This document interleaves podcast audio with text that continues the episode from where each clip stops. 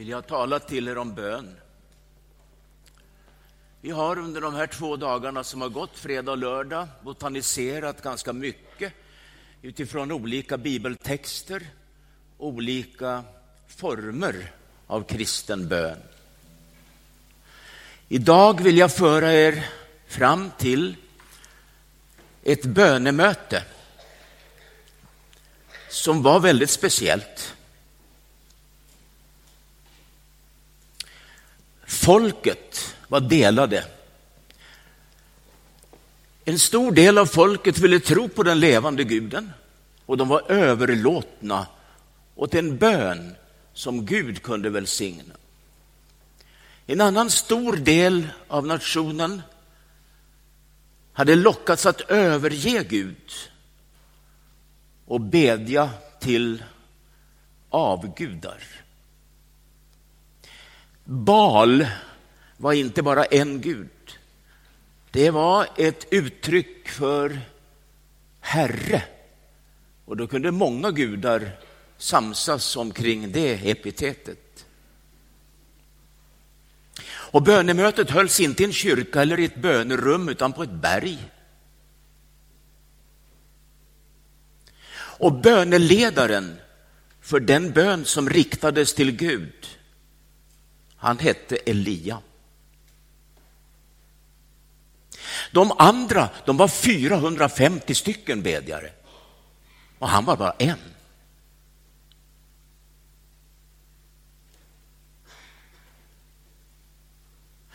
Och när Guds folk blir så uppdelade i så väsentliga frågor och sanningar som bön, som handlar om min gudsfruktan och min gudsrelation,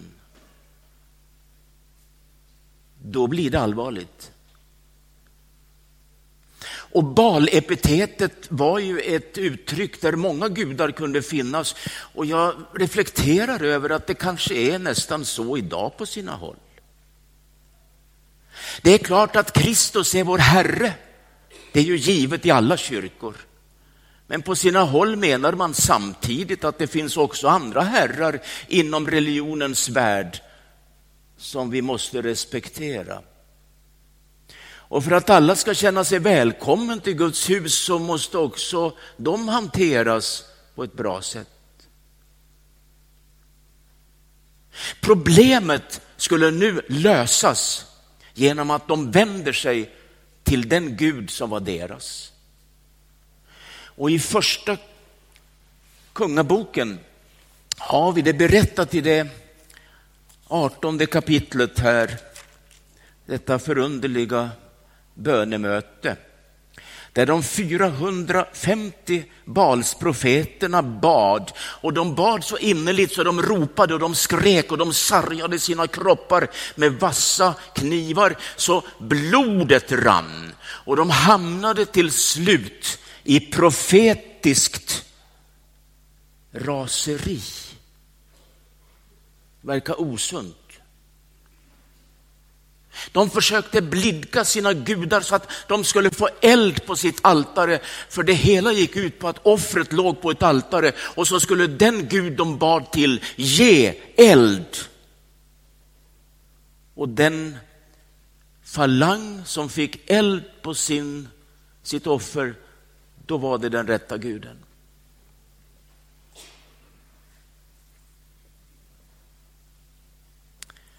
Nu var det profetens tur. För de andra hade inte fått någon eld, men han kostade på sig att driva med dem. Det var märkvärdigt. Ni kanske kan ropa lite högre. Han kanske är på semester eller bortrest, eran Gud. Så ta i lite mer för allt i världen. Det är, ni, han kanske sover.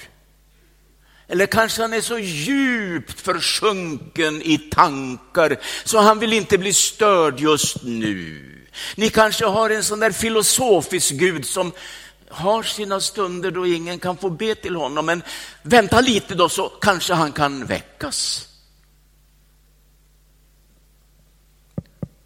Men han fick ingen eld. Elden uteblev. Och nu läser vi texten från vers 30. Elia sa till allt folket, kom fram hit till mig. Och allt folket gick fram till honom. Då byggde han åter upp Herrens altare som hade blivit nerrivet. Elia tog tolv stenar, lika många som Jakobs söners stammar. Det var ju Jakob som fick detta ord från Herren, Israel skall vara ditt namn.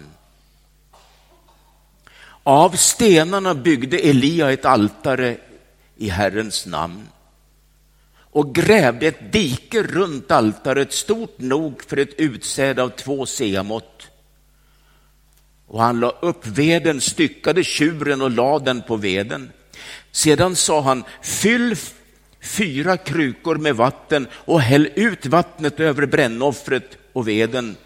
Och han sa vidare, gör så en gång till. De tog så för andra gången och de gjorde så för andra gången. Därefter sa han, gör så för tredje gången. Då gjorde de så för tredje gången.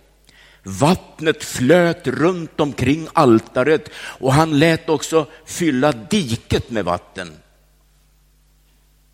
Då tiden var inne att frambära matoffret trädde profeten Elia fram och sa Herren, Abrahams, Isaks och Israels Gud, låt det bli känt idag att det är du som är Gud i Israel och att jag är din tjänare och att det är på din befallning jag har gjort allt detta. Svara mig, Herre, svara mig, så att detta folk förstår att det är du, Herre, som är Gud och omvänd du deras hjärtan. Då föll Herrens eld ner och förtärde brännoffret, veden, stenarna och jorden och torkade upp vattnet som fanns i diket. När allt folket såg detta föll de ner på sina ansikten och sade, det är Herren som är Gud. Det är Herren som är Gud. Amen.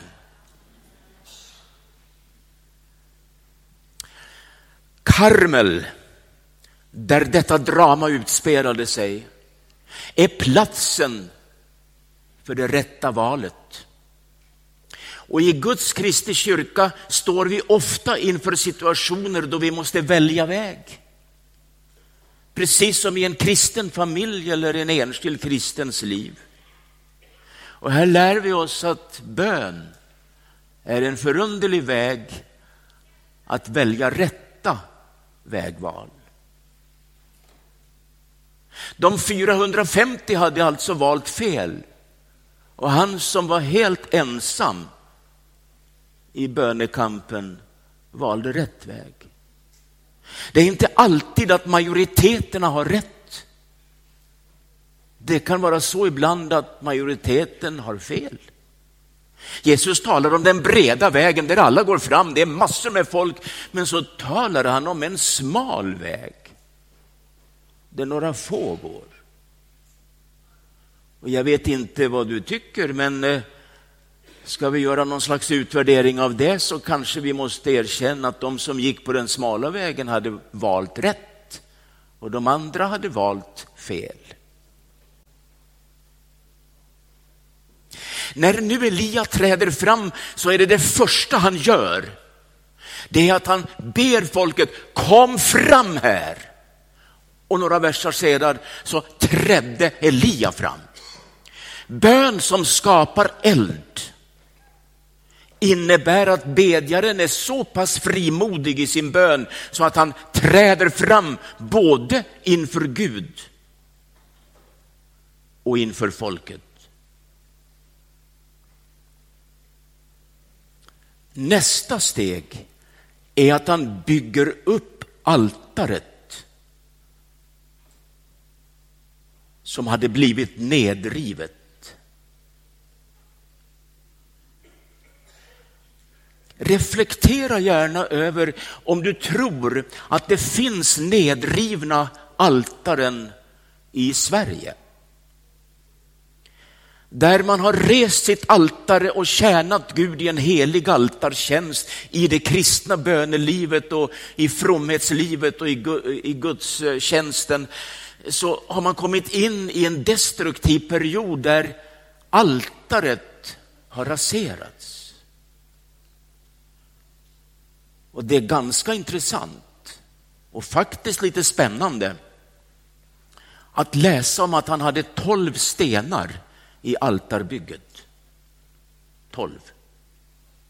Och texten säger det, så det är inte mina spekulationer. Texten är tydlig. Tolv stammar som fanns inom det folk som den här bönekampen gällde. Inte elva eller tio, det var alla var representerade. Tolv. Och när jag skrev min senaste bok om bön som når till Faderns hjärta så kom det över mig så starkt att det finns i varje kyrka. Och jag vet inte om jag säger minoritet så vill jag nästan inte säga det för det är bara Gud som vet. Men det finns alltid ett antal människor i varje kyrka anar jag. Och det är min erfarenhet av pastortjänst under många år och det jag har mött som begränsar sin bönetjänst precis som chauffören i en bil begränsar sig till att ha ett reservdäck längst bak ifall att det blir ett problem. Inget jag behöver, inget jag har något bruk av, bara om jag får punktering, då är det bra att ha. Har man den synen på kristen bön, då behöver man ju inte bönen egentligen förrän man blir sjuk eller ekonomin knakar eller man får ett annat svårt bekymmer eller problem, då är bön bra att ta fram. Men den som väljer Gud, för det här är tillfället då man skulle välja Bals gudarna eller den levande sanne guden. När man väljer rätt, då har man inte bönen som ett reservdäck. Kanske istället, om jag får vara lite naiv och gå vidare på bilden, så finns det något annat runt i bilen, ratten. Den är i alla fall rund i min bil. Och den använder jag varenda gång jag kör bil. Om den så bara ska köras några få meter in i ett garage, så nog använder jag ratten lite grann. Kan det vara en metafor för ett böneliv som blir så nära och så viktigt och som jag väljer så att jag brukar det varje dag, hela tiden? Alla tolv stenarna skulle vara där.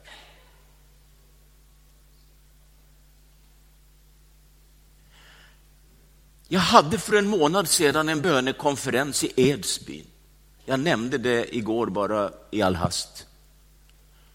Och när jag bad inför det där, när jag gjorde min bok, så kom det över mig, du ska ha bönekonferenser.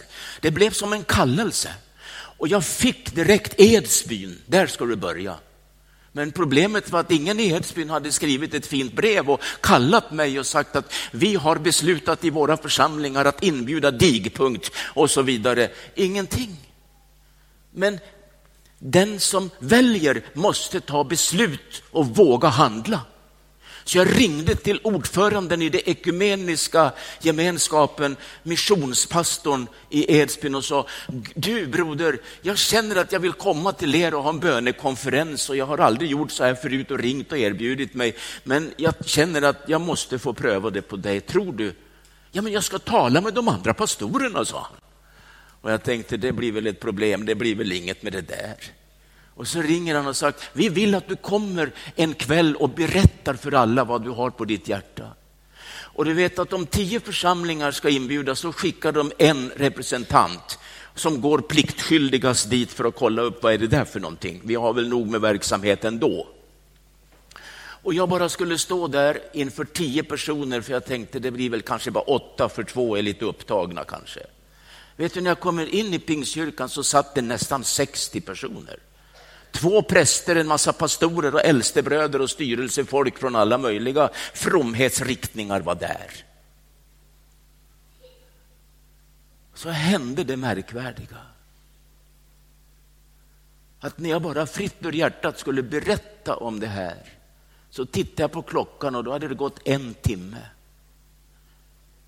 Och folk satt och grät. Folk var förkrossade. Och kyrkoherden berättade för mig efteråt, det här var så gripande så det här vill vi vara med om ifrån kyrkan.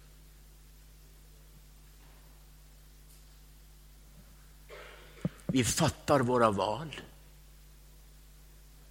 Och nu måste vi välja att bygga upp altaren som är nedrivna. I Edsbyn var alla församlingar, det vill säga alla tolv stenarna var där. Ingen fattades. Och helgen präglades av förkrosselse och glädje och överlåtelse. Och det är mycket, mycket länge sedan jag var med om en sån stark helg som den. Och då sa jag till dem, här i Edsbyn finns det många bedjare, men jag vill inte nå dem som är redan inne i det i första hand, utan jag vill ge de andra en chans att vara med. De som ännu inte har valt ett djupare liv i Gud. Som ännu inte har valt att lämna en ytlig böneuppfattning att bön är ett reservdäck som jag tar till när jag får problem, utan som istället väljer ett bönens liv med både puls och andedräkt och temp. Det är liv alltså det handlar om, när bönen får gestaltas just precis på det sättet.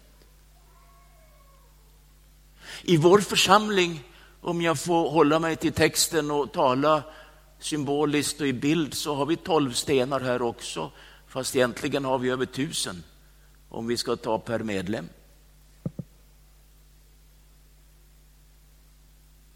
Hur många av oss alla har valt att träda fram som Elia gjorde och be om eld? Men då lär vi oss idag att innan vi gör det måste altaret byggas upp.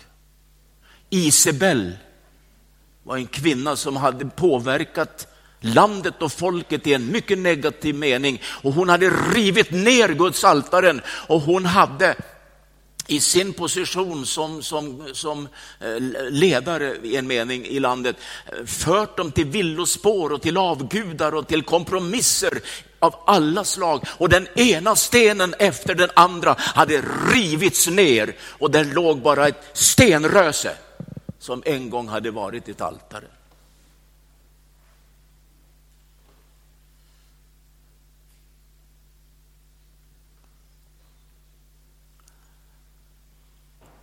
Min erfarenhet av bön i Kristi kyrka, det kan vara mycket att säga om det. Men min erfarenhet är att majoriteten av medlemmar går inte på bönemöten, varken här eller någon annanstans. De ber säkert hemma. Men de har inte uppfattat och förstått att bön handlar om gemenskap. Och att man måste bygga upp någonting för att hitta det som är bönens innersta väsen. När jag brottades med de här frågorna och eh, bad över dem så skrev jag en dikt. Den ska jag faktiskt vara frimodig att läsa upp för er. Jag kallar den för Tempelruinen. Och det här är inte en, eh, några versar och några ord som fördömer eller tar avstånd ifrån Därför att det här kan gälla en kristen kyrka, kan gälla ett samfund, kan gälla ett land, Sverige. kan gälla ett äktenskap eller en familj, det kan gälla mig som enskild individ.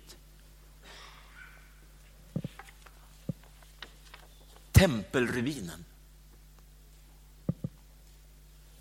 Vandrar bland ruiner på ödslighetens strand. Här stod ett andligt tempel skapat av Guds hand. Templet vittrat sönder. Ingenting finns kvar. Hur kunde detta hända? Jag väntar på ett svar. Förbarma dig, Herre, förbarma dig. Mitt altare raserats och templet rivits ner. Förbarma dig, Herre, förbarma dig. Inför ditt ansikte du mina synder ser. Förbarma dig, Herre, förbarma dig. Från mitt hjärta om rening och förlåtelse jag ber. Med tinnar, torn och höga valv var templet som ett smycke. En bostad åt vår Gud, det var i allas tycke. Det fylldes av änglars sång och orgelns toner klara. Men ingen riktigt klart förstod att templet var i fara. I templet fanns ett altare för Herrens eld att landa. Men altaret raserades i kompromissens anda.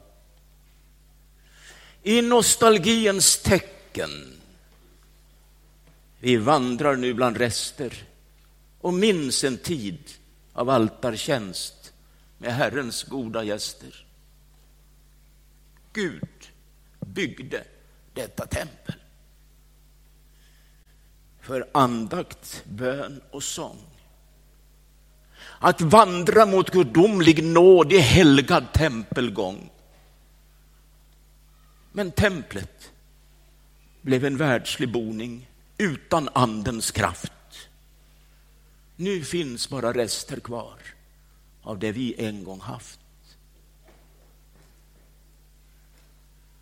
Vågar du ta de orden till ditt hjärta och rannsaka dig och reflektera? Om ditt altare är intakt eller om det möjligen är raserat. Jag nämnde igår om att Ann-Britt och jag var på OAS-rörelsens konferens för en hel del år sedan nu. Jag hade hyrt en stor sportanläggning eller, eller inomhusarena borta i västkusten någonstans.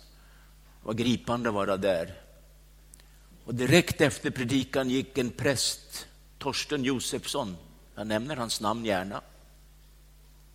Han stod vid mikrofonen utan att det stod på agendan. Han gick spontant fram och där stod han med sin prästrock och sin krage och sitt stora skägg och såg ut som en riktig apostel. När vi präster har förberett årets konferens har vi ropat till Gud om att vi behöver någonting nytt. Och Gud har svarat. Han har sagt till oss att i årets konferens ska vi få gråta Guds tårar över ett folk som vandrar bort från Gud. Och över en kyrka som inte bryr sig längre om det viktigaste. Där ute, och så gör han en gest ut mot samhället, dör det människor varje dag och de som ännu inte är frälsta går förlorade, sa prästen. Men ingen i kyrkan gråter över det, ingen bryr sig. Och så såg jag, för jag satt så nära honom, så jag såg hur tårar rann ut för prästens kinder och absorberades av hans stora skägg då grät jag också. Jag skulle få höra en luthersk präst tala sanningens ord och ingen av oss pingstpredikanter hade sagt något liknande vad jag hade hört. Nu är det tid, mina vänner, att få gråta över tider som vi har misslyckats och varit alltför ytliga. Nu är det dags att komma igen och bygga upp templet eller altaret. Lyssna till några rader om min upplevelse där i oasrörelsen när jag hörde prästen. Pastor med krage och prästerlig skrud talar om tårar hos Herren vår Gud. Han talar lågmält och rösten är sprucken, bär sig åt som om han var drucken. Präster med krage och prästerlig skrud talar väl knappast så om vår Gud.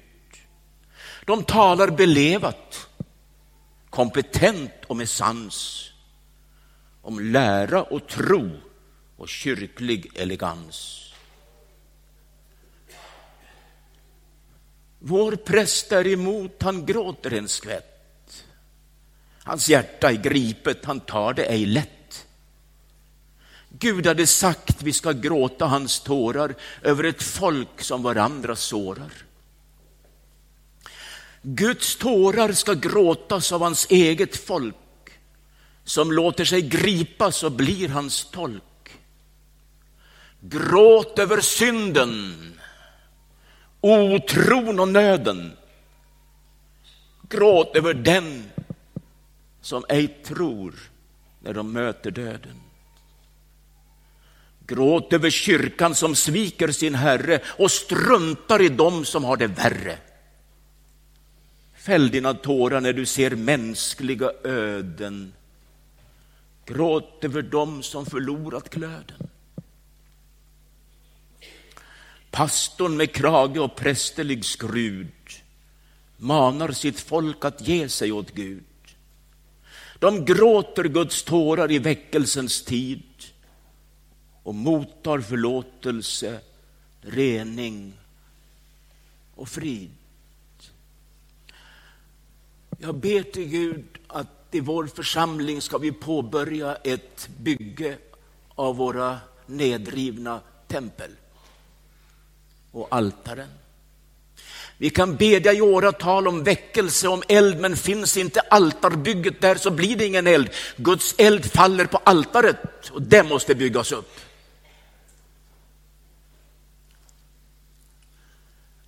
Och för det måste vi fatta ett val. Antingen Bal eller Gud. Det är valet. Och i ytlig mening är det ett lätt val här. Alla väljer Gud. Men du väljer du Gud så väljer du den smala vägen och den trånga porten. Och väljer du Gud så väljer du ett böneliv som innebär både tårar och nöd och förkrosselse och överlåtelse till Gud. Och det säger jag i en tid då den ytliga kristna förkunnelsen blir mer och mer vanlig i många kristna sammanhang nu, där man bara talar om Guds kärlek och aldrig någon gång blir utmanad till ett djupare liv i Gud. Tolv stenar, vilket betyder i vår församling över ett tusen, kanske någonting vad vi nu kan vara mer, kristna människor jag väljer inte bort någon. I min predikan tar jag in alla. Jag vill ha tro för alla. Jag vill se ungdomarna, jag vill se åldringarna, jag vill se medelåldersgenerationen. Jag vill se hela vår församling välja. Och det ska vi inte välja därför att era, vår pastor säger det eller våra ledare kommer med några starka appeller, utan därför att ni i ert böneliv väljer att bygga upp altaret. Då la han offerdjuret på altaret. Och Det är mycket, mycket märkligt att han skulle ha på massor, massor, massor med liter vatten på det där offerdjuret. Gång på gång, ja lite mer, lite mer, ja men nu räcker det väl, nej, jag vill ha några hinkar till. Och runt där och hela. Varför? Han ville visa att här är det inte fråga om någon manipulation. Här är det äkta. Ska elden komma här så är det från Gud och Gud kan tända eld på det här offerdjuret trots att det är genomblött av vatten. Manipulativa åtgärder i Guds församling vill vi tacka nej till. Vi vill ha det äkta vara. Vi vill ha Guds verkliga eld ibland oss varje medlem i vår församling bär ett ansvar att den elden ska komma genom att du måste på din sida bygga ditt altare. Halleluja. Och då behövde han inte sarga sin kropp så blodet rann där han stod, den är profet, som de andra. Han behövde inte skrika sig hes en hel dag. Han var långt fjärran ifrån profetiskt raseri som de andra höll på med. Han bara stod där, stilla och lugnt. Och han kan vara en god förebild för karismatiska predikanter som måste springa runt i hela salen och skrika och härja och knuffa på folk och, och ha ett helt lakan med sig och torka svetten när de predikar. Stå still. Det är Gud som gör jobbet. Du behöver inte härja omkring. Stå still. Mig förutan kan ni ingenting göra. Så bad han. Gud, låt detta folk förnimma att det är du som är Gud i detta land, bland detta folk. Genom att du låter elden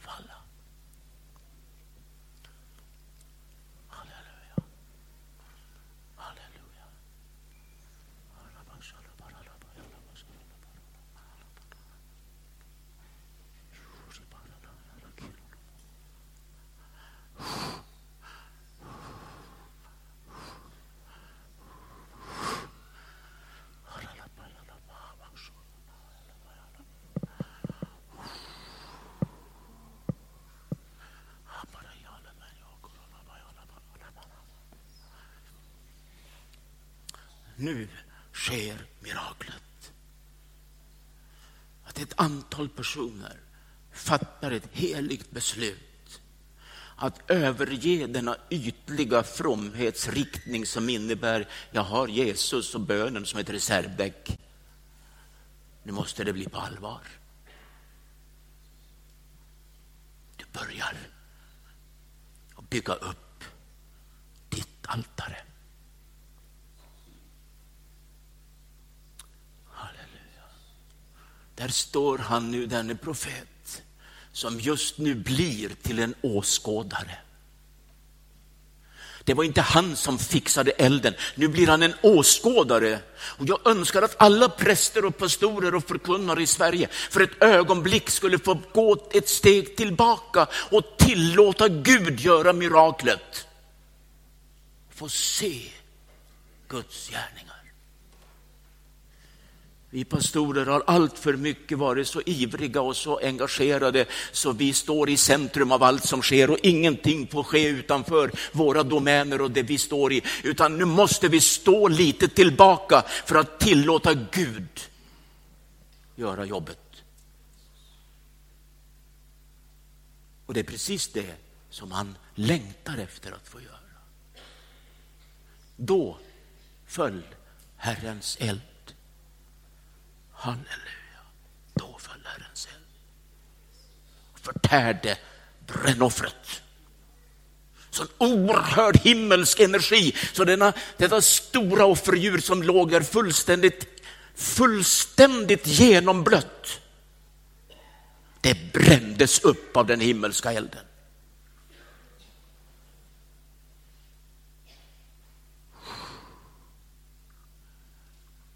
Är mycket här i vår kyrka som, och i våra liv, vi medlemmar här, som ska brännas upp nu. Egoism, själviskhet, bitterhet och allt annat. Du måste komma nu till en punkt då du låter det brinna. Du kan inte bära på sånt längre. Den som inte har ett altare som brinner måste bära det själv, för du har ingen annan eld där det brinner upp. Men nu ska det få brinna upp. Och det är mycket, mycket bättre att det får brinna upp nu än att du ska bära det med inför domens dag och där kommer det att brinna.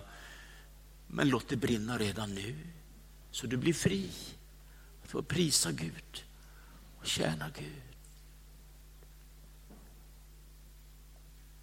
I Jesu namn. Amen.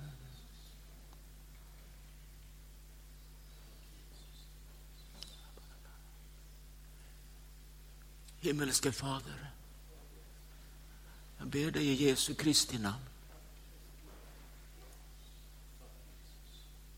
att mina vänner och jag vill vara inkluderad i det ska nu bestämma sig för fatta heliga beslut. Att i den andliga kampen mellan dig, Gud, och alla andra gudar och influenser och frestelser som finns ska bygga upp sitt altare nu. Som kanske har raserats under många års kompromissande.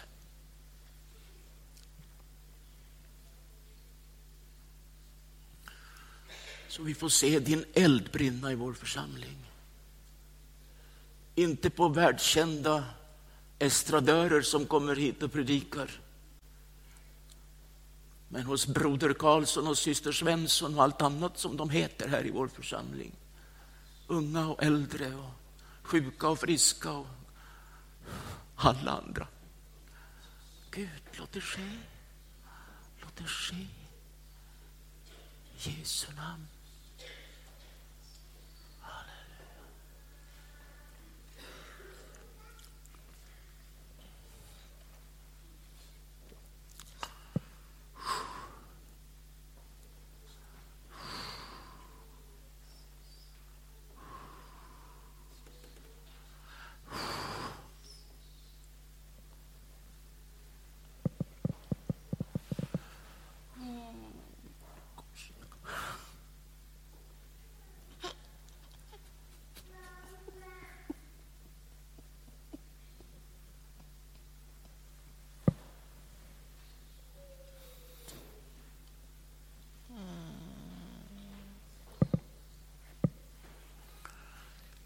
Jesu Kristi namn.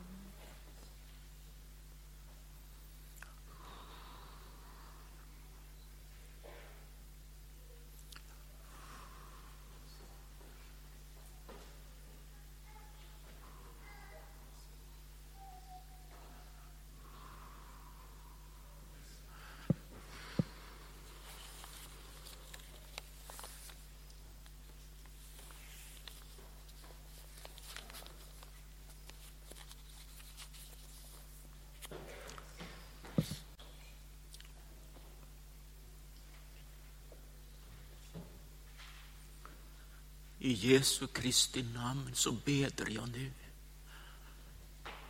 för var och en som vill fatta heliga beslut. Inte i första hand att försöka med all den karaktär man kan ha och viljebeslut man kan mobilisera att bli en bättre bedjare. Utan att bygga upp sitt altare.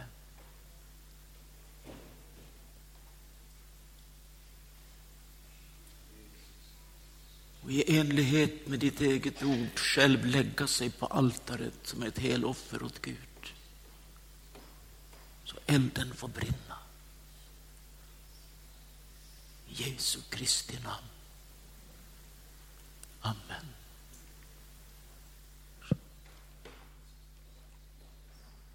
Vi är stilla inför Gud. Det sker mycket i det här mötet. Väldigt mycket. Du har lyssnat till en predikan i Pingstkyrkan i Eskilstuna. Om du vill höra den igen eller höra andra predikningar eller se, då finns vi på TV Eskilstuna och vi finns på Youtube där du hittar oss under eh, Pingstkyrkan Eskilstuna. Du kan också klicka på prenumeration om du vill veta när nya predikningar läggs ut. Alla är välkomna hit. Du är varmt välkommen att eh, kontakta oss eller besöka ett av våra möten eller kyrkan. Eh, du kan också ringa till oss eller skriva på vår mailadress om du eh, har en fråga eller om du önskar att vi ska be för dig eller för en situation. Det finns också mer information om oss och våra möten, aktiviteter för alla olika åldrar på vår hemsida och även på vår Facebookgrupp. Jag önskar dig allt gott och Guds välsignelse.